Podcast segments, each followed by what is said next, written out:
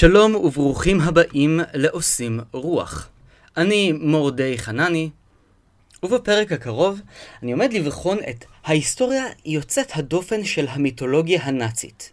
כן, מיתולוגיה שלמה עם אלים, מפלצות, אנשים שבקעו מקרח, הזדווגויות עם יצורי אטלנטיס קדמונים, וכמובן, איך שלא, אבק קוסמי שמושפע לרעה מעצם קיומם של היהודים בעולם.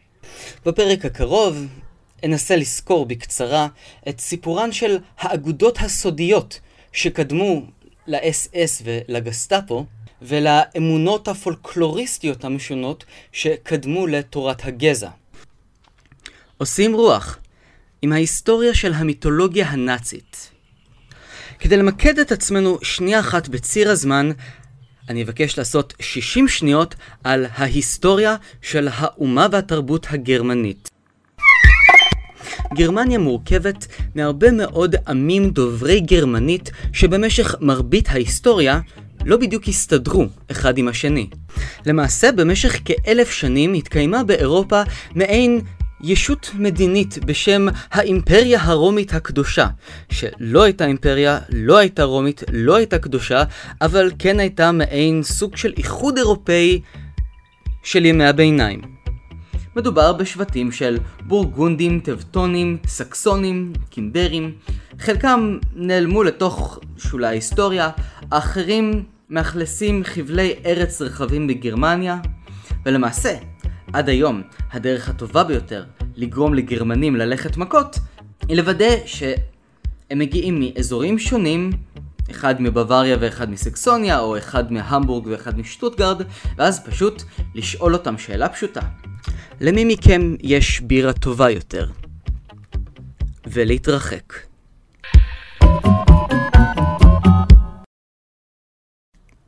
המודעות לתרבות הגרמנית התחילה זמן קצר אחרי ההתרסקות הסופית של האימפריה הרומית הקדושה, כאשר באותו הזמן העמים הגרמניים התאחדו נגד צבא נפוליאון בקרב ווטרלו.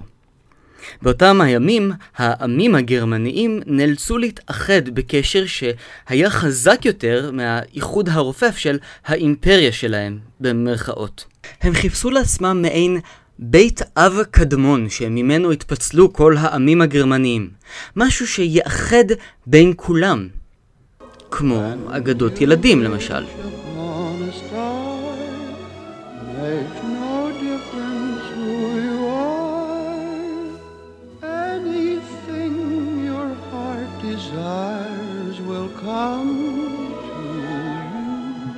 האחים גרים, אלו מהאגדות, היו חוקרי שפות, פילולוגים וחוקרי תרבות שליקטו סיפורי עם גרמניים, בין היתר כדי להצביע על העבר הגרמני המשותף שלהם.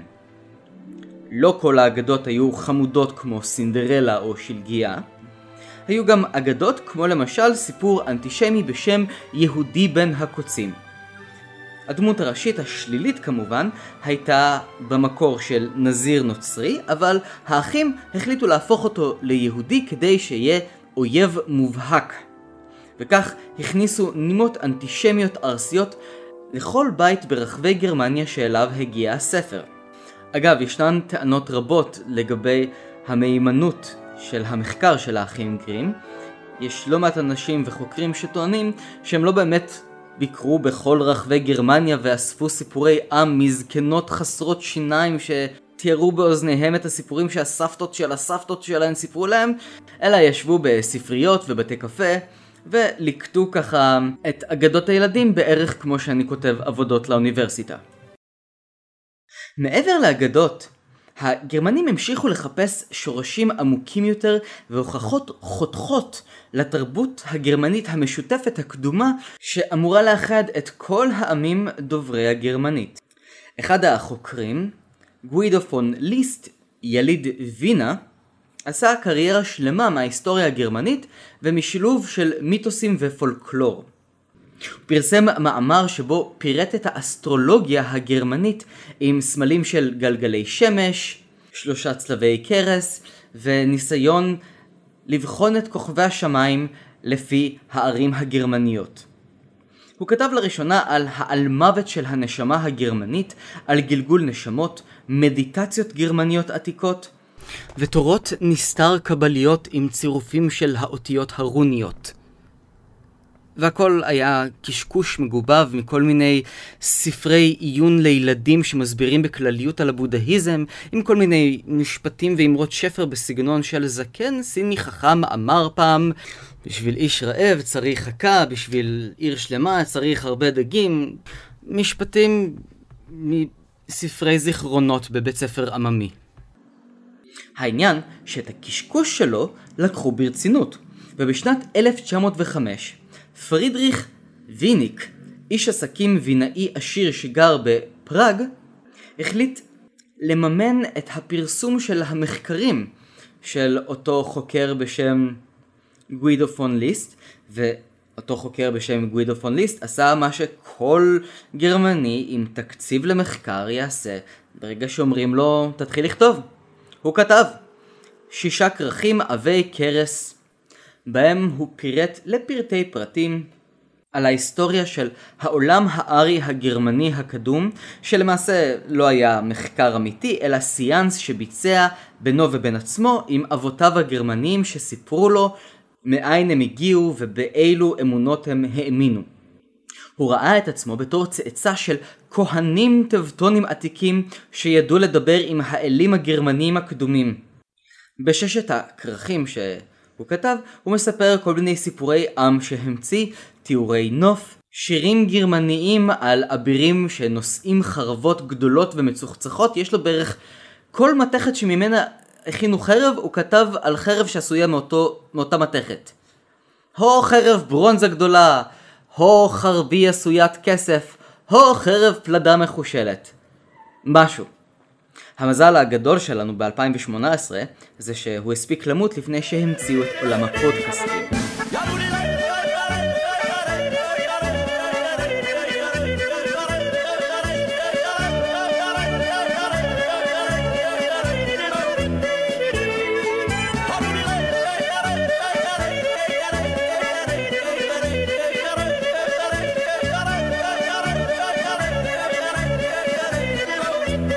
היסטוריון נוסף שהיה ישר לב ונקי כפיים הוא יורג לנס פון ליבנפלס, שנולד ב-1874 בעיר וינה שבאוסטריה.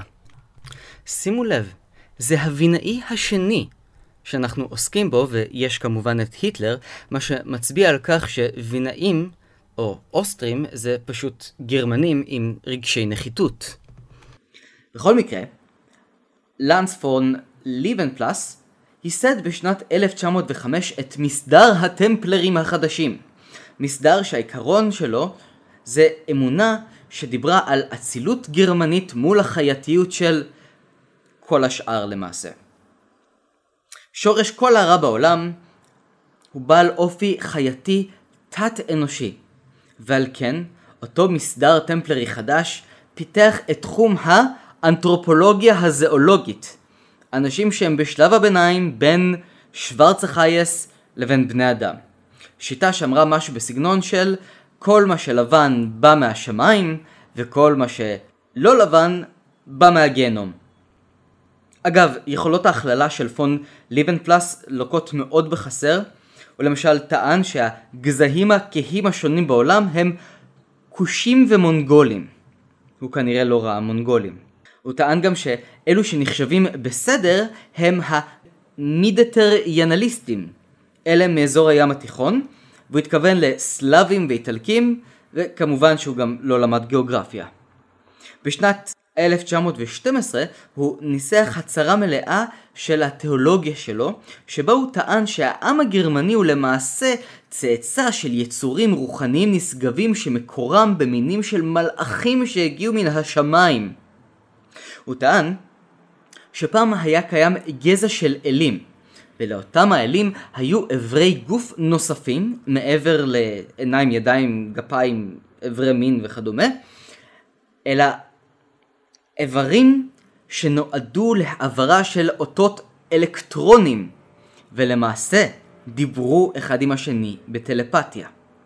הארים הם צאצאי האלים, ולכן יש להם את הכוחות האלה. למה רק הארים יכולים להשתמש בכוחות האלה? מכיוון שהם צאצאים של האלים. גם להם יש כוחות, והם היו יכולים להשתמש בהם כבר מזמן. הבעיה היא שהעולם מלא בגזעים נחותים שמקלקלים הכל. יש לעולם הזה תוכנית קוסמית, והעמים הנחותים משבשים את התוכנית הקוסמית. היהודים בעיקר משבשים את האבק הקוסמי מעל גרמניה. נשמע לכם סיפור מצוץ מהאצבע? טוב, במקרה הזה לנץ הכין מראש את ההוכחה הניצחת למשדרים האלקטרונים שיצאו לנו פעם מהמצח. טוב, לא לנו כי אנחנו יהודים, אלא רק לארים הטהורים יצא פעם אנטנה מהמצח. ואיך אפשר להוכיח את זה? יש את בלוטת יתרת המוח ויש את המוח האצטרובלי הקטן, שזו ההוכחה לאיבר שהיה לנו פעם, כמו האפ...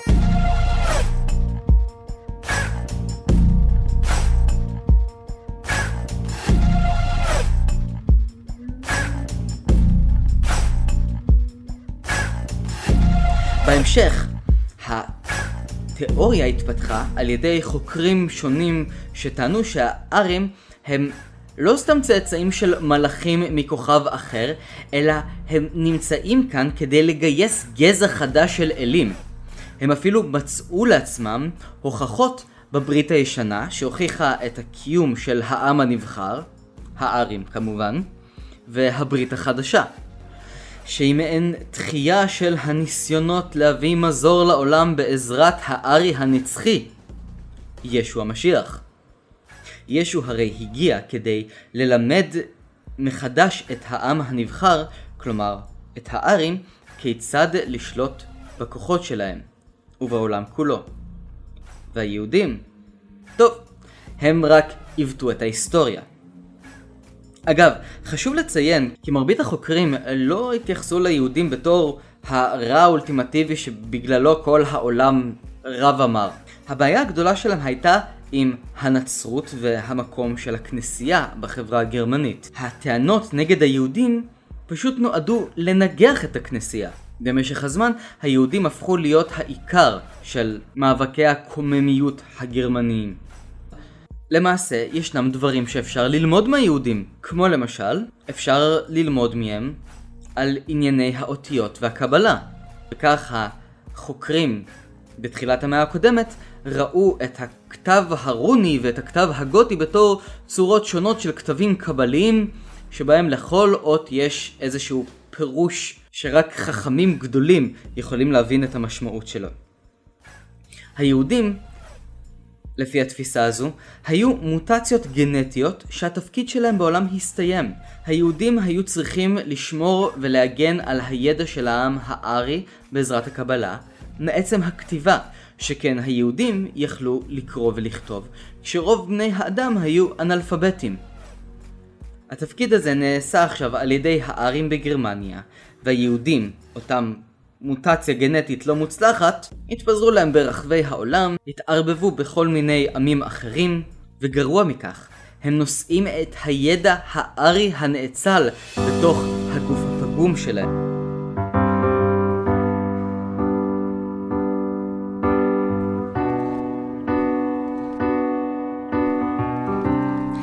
במשך הזמן הטענות המופרכות האלו עברו מהאגודות הסודיות לתוככי האוניברסיטאות הגרמניות והפכו להיות עובדה מוצקה שעליהם למדו ילדים בכל בית ספר ברחבי גרמניה. כל ההיסטוריה שוכתבה. יוליוס קיסר הפך להיות ארי, נפוליאון הפך להיות ארי, אברהם לינקולן הפך להיות ארי. למרות שבמקרה הזה זה די נכון כי הוא במקור גרמני. המאמרים השונים פורסמו בגרמניה בעשור הראשון של המאה ה-20. באותו זמן כבר הייתה תנועה אנטישמית מתוחכמת. פטריוטים גרמנים ממורמרים, לאומנים גרמנים ממורמרים, וגזענים גרמנים ממורמרים שפשוט התמקדו בכוח של היהודים. הם זיהו את היהודים עם מודרניות, עם חידושים באמנות ובמוזיקה, וכן עם קפיטליזם ופיתוח תעשייתי. המיתוס של ראשית המאה ה-20 בגרמניה היה שהיהדות עומדת ביסודה של קונספירציה סודית ברחבי העולם שמטרתה להטיל סדר עולמי חדש.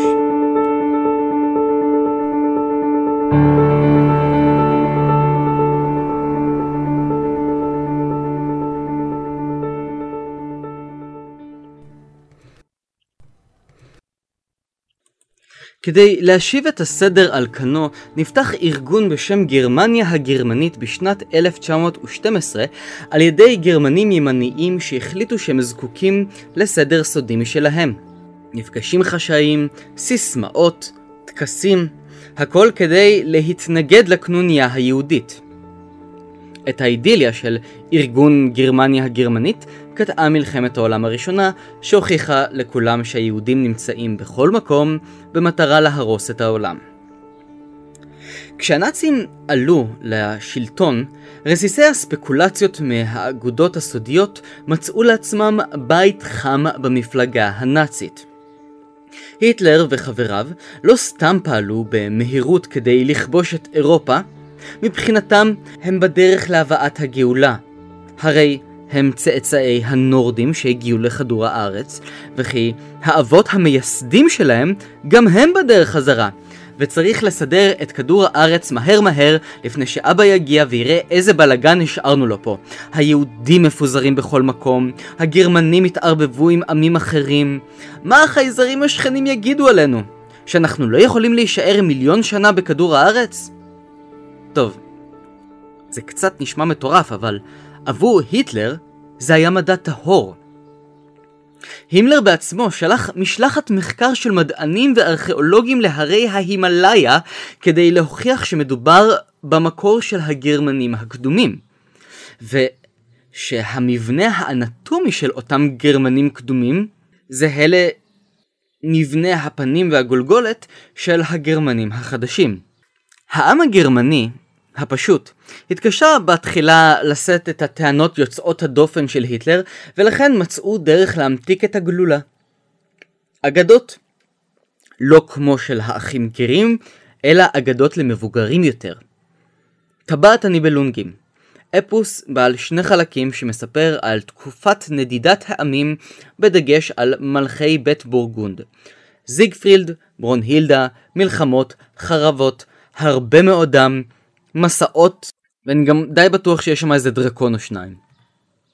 האפוס זכה לעיבוד אופראי קצר וממצה באורך של 15 שעות, שנכתב על ידי ריכרד וגנר. בארץ כמובן שלא משמיעים את וגנר, כי זה ברור, היהודים סבלו מספיק.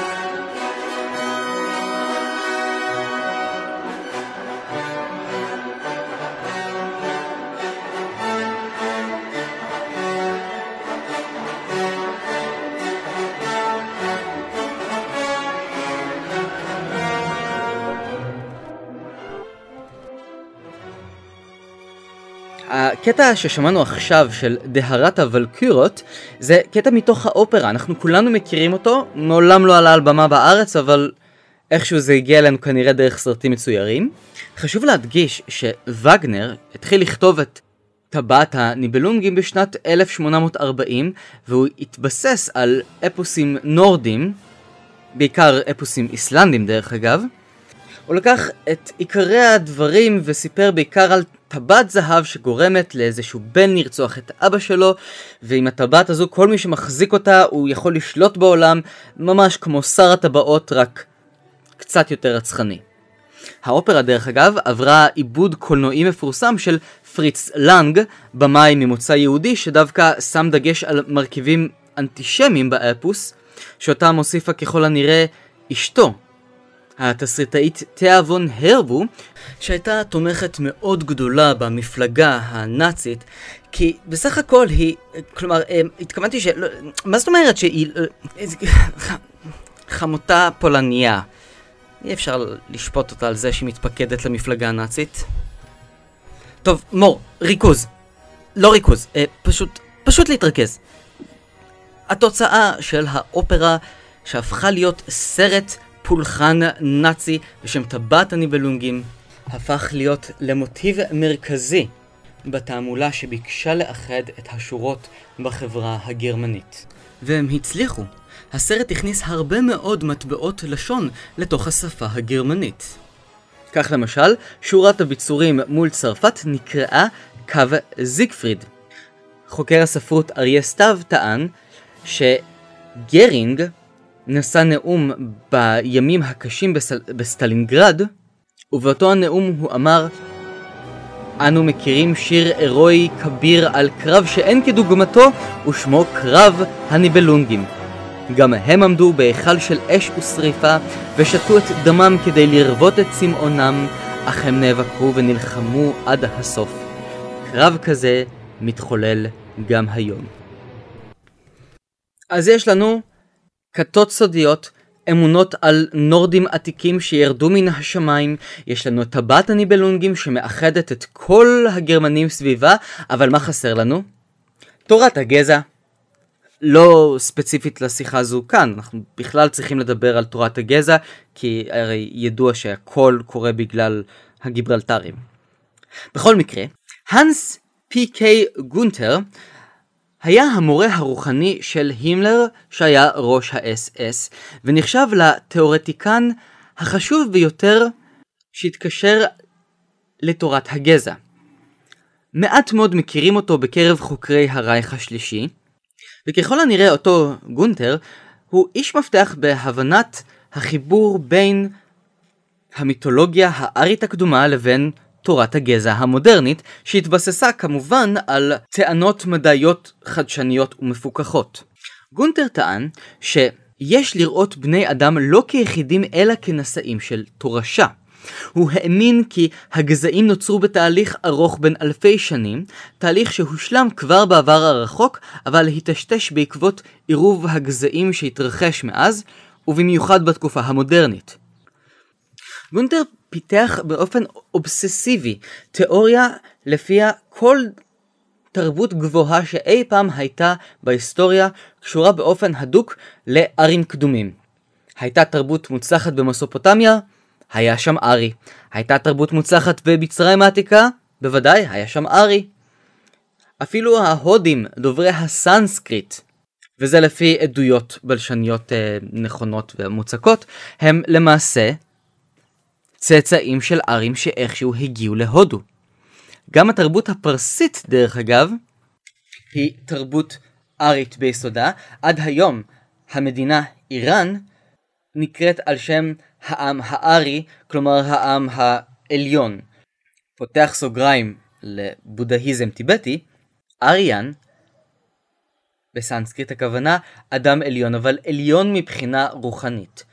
לא עליון בגלל שהוא גרמני, אלא אדם שהוא עושה הרבה מדיטציה, מקשיב לעצמו, והופ, הופך להיות לאדם עילאי מבחינתו ומבחינת עצמו, כמובן שהוא יהיה חביב וטוב לכל האחרים, אבל לכו תתחילו להתווכח עכשיו עם היטלר.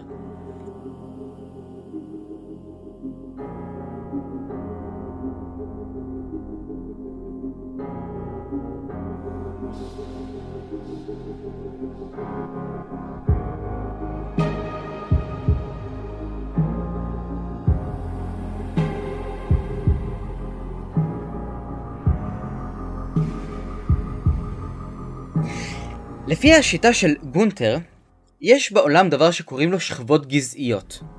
אם טענו לפני כמה פסקאות הייתה תרבות גדולה במצרים שהושפעה מאיזה ארי שהגיע לשם, ותרבות גדולה שהייתה במסופוטמיה. אז זה לא סתם שהיה שם איזה ארי שעבר במקרה, אלא בני הגזע הנמוך. תמיד ידעו לזהות את הארים העליונים, ותמיד ידעו להגיד להם, או, oh, אתם טובים מאיתנו, אתם תשלטו בנו. בכל ההיסטוריה קיבלו את זה כחלק מהסדר הטבעי, ורק בעקבות ההיעלמות של הדם הנורדי, נוצר בהדרגה ניוון גזעי, וכך נסללה הדרך עד לנפילה. תוצאה טרגית אבל הכרחית, שהיא תהליך שקורה לכל ציוויליזציה. אבל עכשיו היסוד הנורדי מופיע מחדש, ויש לנו את החשיבות ההיסטורית לתקן את העולם.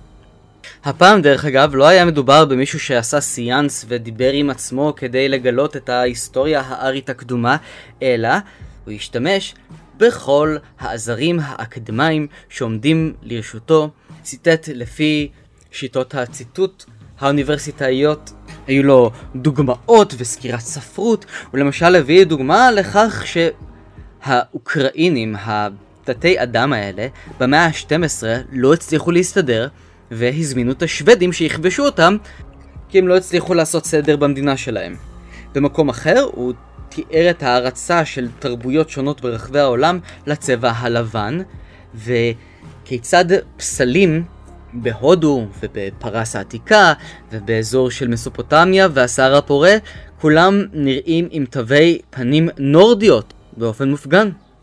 לטענתו, הגזע היהודי, או התרכובת הגזעית המכונה העם היהודי, כך הוא קרא לנו, עומד למול היסוד הגזעי הנורדי.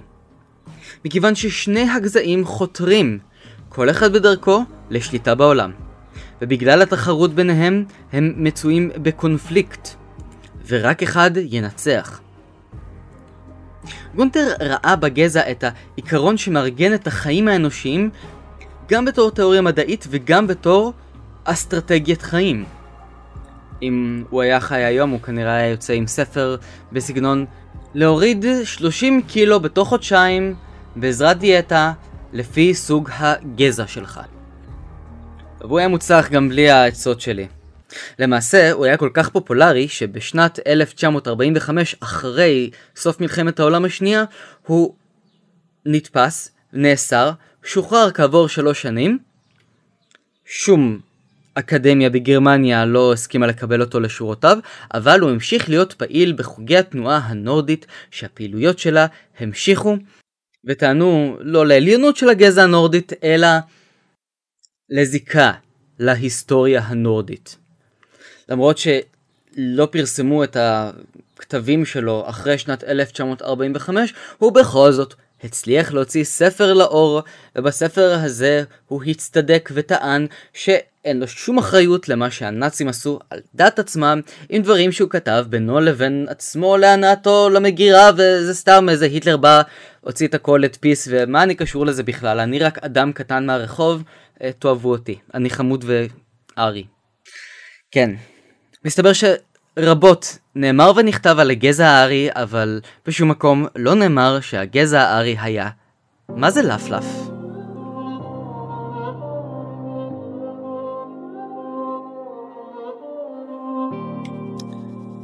טוב, אני חושב שהגענו לשאלת השאלות. במה היטלר האמין? המוני ספרים וסרטים מתיימרים להוכיח שהיטלר היה חסיד של האמנויות השחורות ומעריץ של השטן. אז היטלר היה מאמין? או שהוא היה אתאיסט? או שהוא היה נוצרי? או שהוא היה מאמין אבל בתורות הנסתר? אז זהו, שהוא לא היה אף אחד מאלה וגם למעשה הוא היה כל מה שציינתי. הוא לא היה אתאיסט כי הוא כן האמין בישו בכנות.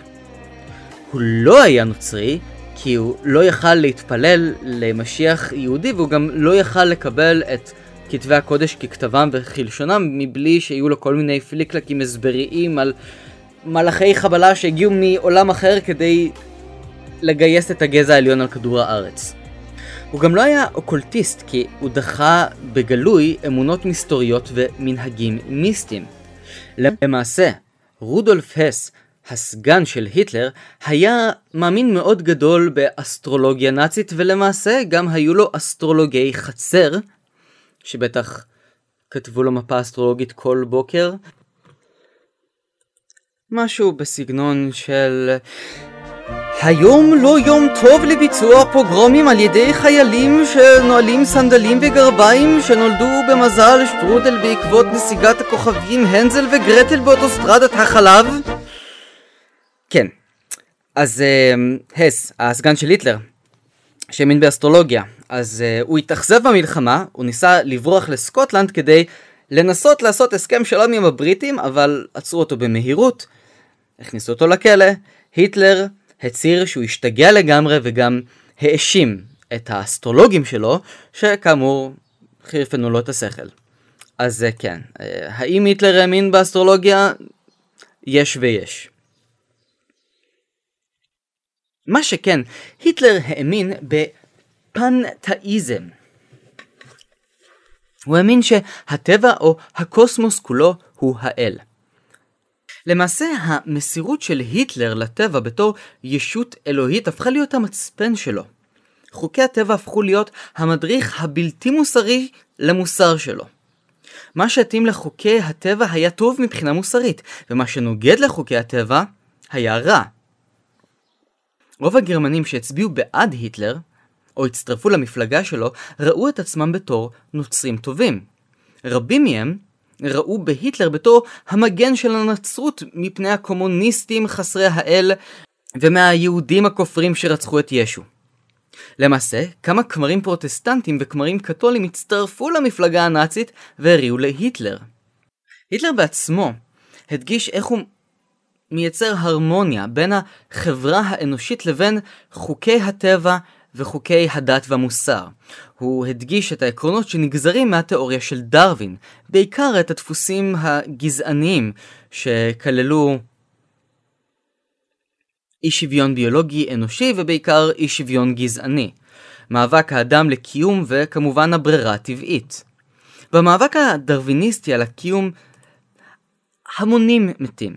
ורק מעטים שורדים, מתרבים ומעבירים את הגנים שלהם הלאה. אם זו הדרך של הטבע, כך טען היטלר, אז אנחנו צריכים לחקות את הטבע על ידי השמדת אלו שבלאו הכי היו צריכים למות. לפיכך, לפי החזון המעוות של הדת של היטלר, הוא האמין שהוא משרת את האלוהות על ידי השמדה של בני אדם נחותים. וכמובן, הוא מקיים את המצווה הגדולה ביותר. לפרוט ולרבות ולהעלות על נס את הארים שנעלים מסיבה זו או אחרת.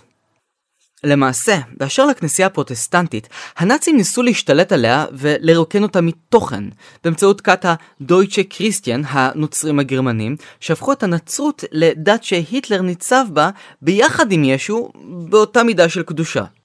רוב אנשי הכנסייה הגרמנית, והבולט מביניהם הוא הכומר הקתולי מיכאל פאולהבר, שיתפו פעולה עם המשטר מתוך ציות עיוור לחלוטין.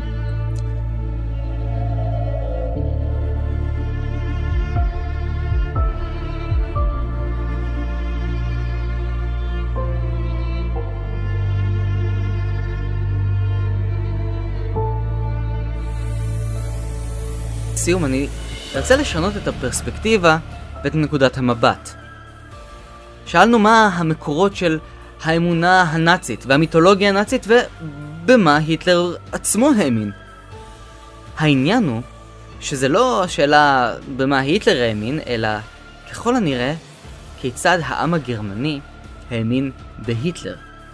ספר שיצא לפני שנה בשם מקרח ברא אותו על החינוך בשירות הנאציזם מאת תמר קטקו או קטקו, סליחה אם אני מבטא לא נכון, מצביע באופן מאוד מדויק על הדרך שבה הגרמנים האמינו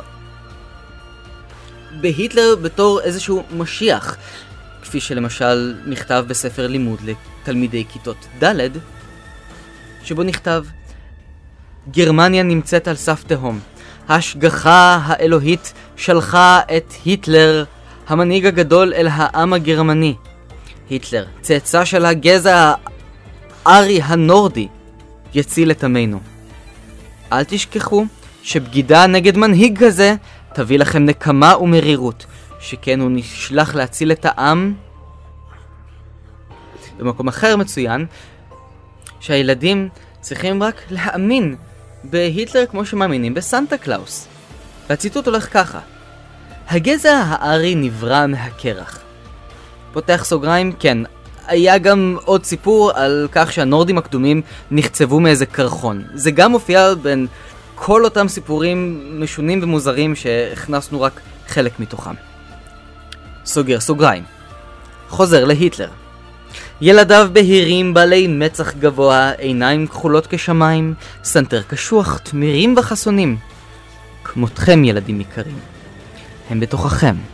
אנחנו נעזור לכם לגלות את העקבות האריות הנאצלות והקדושות שבתוככם. או שבעלות הברית יגיעו, יפרקו את כל האימפריה הנאצית, ואז אתם פשוט תצטרכו לשכוח מכל מה שאמרנו.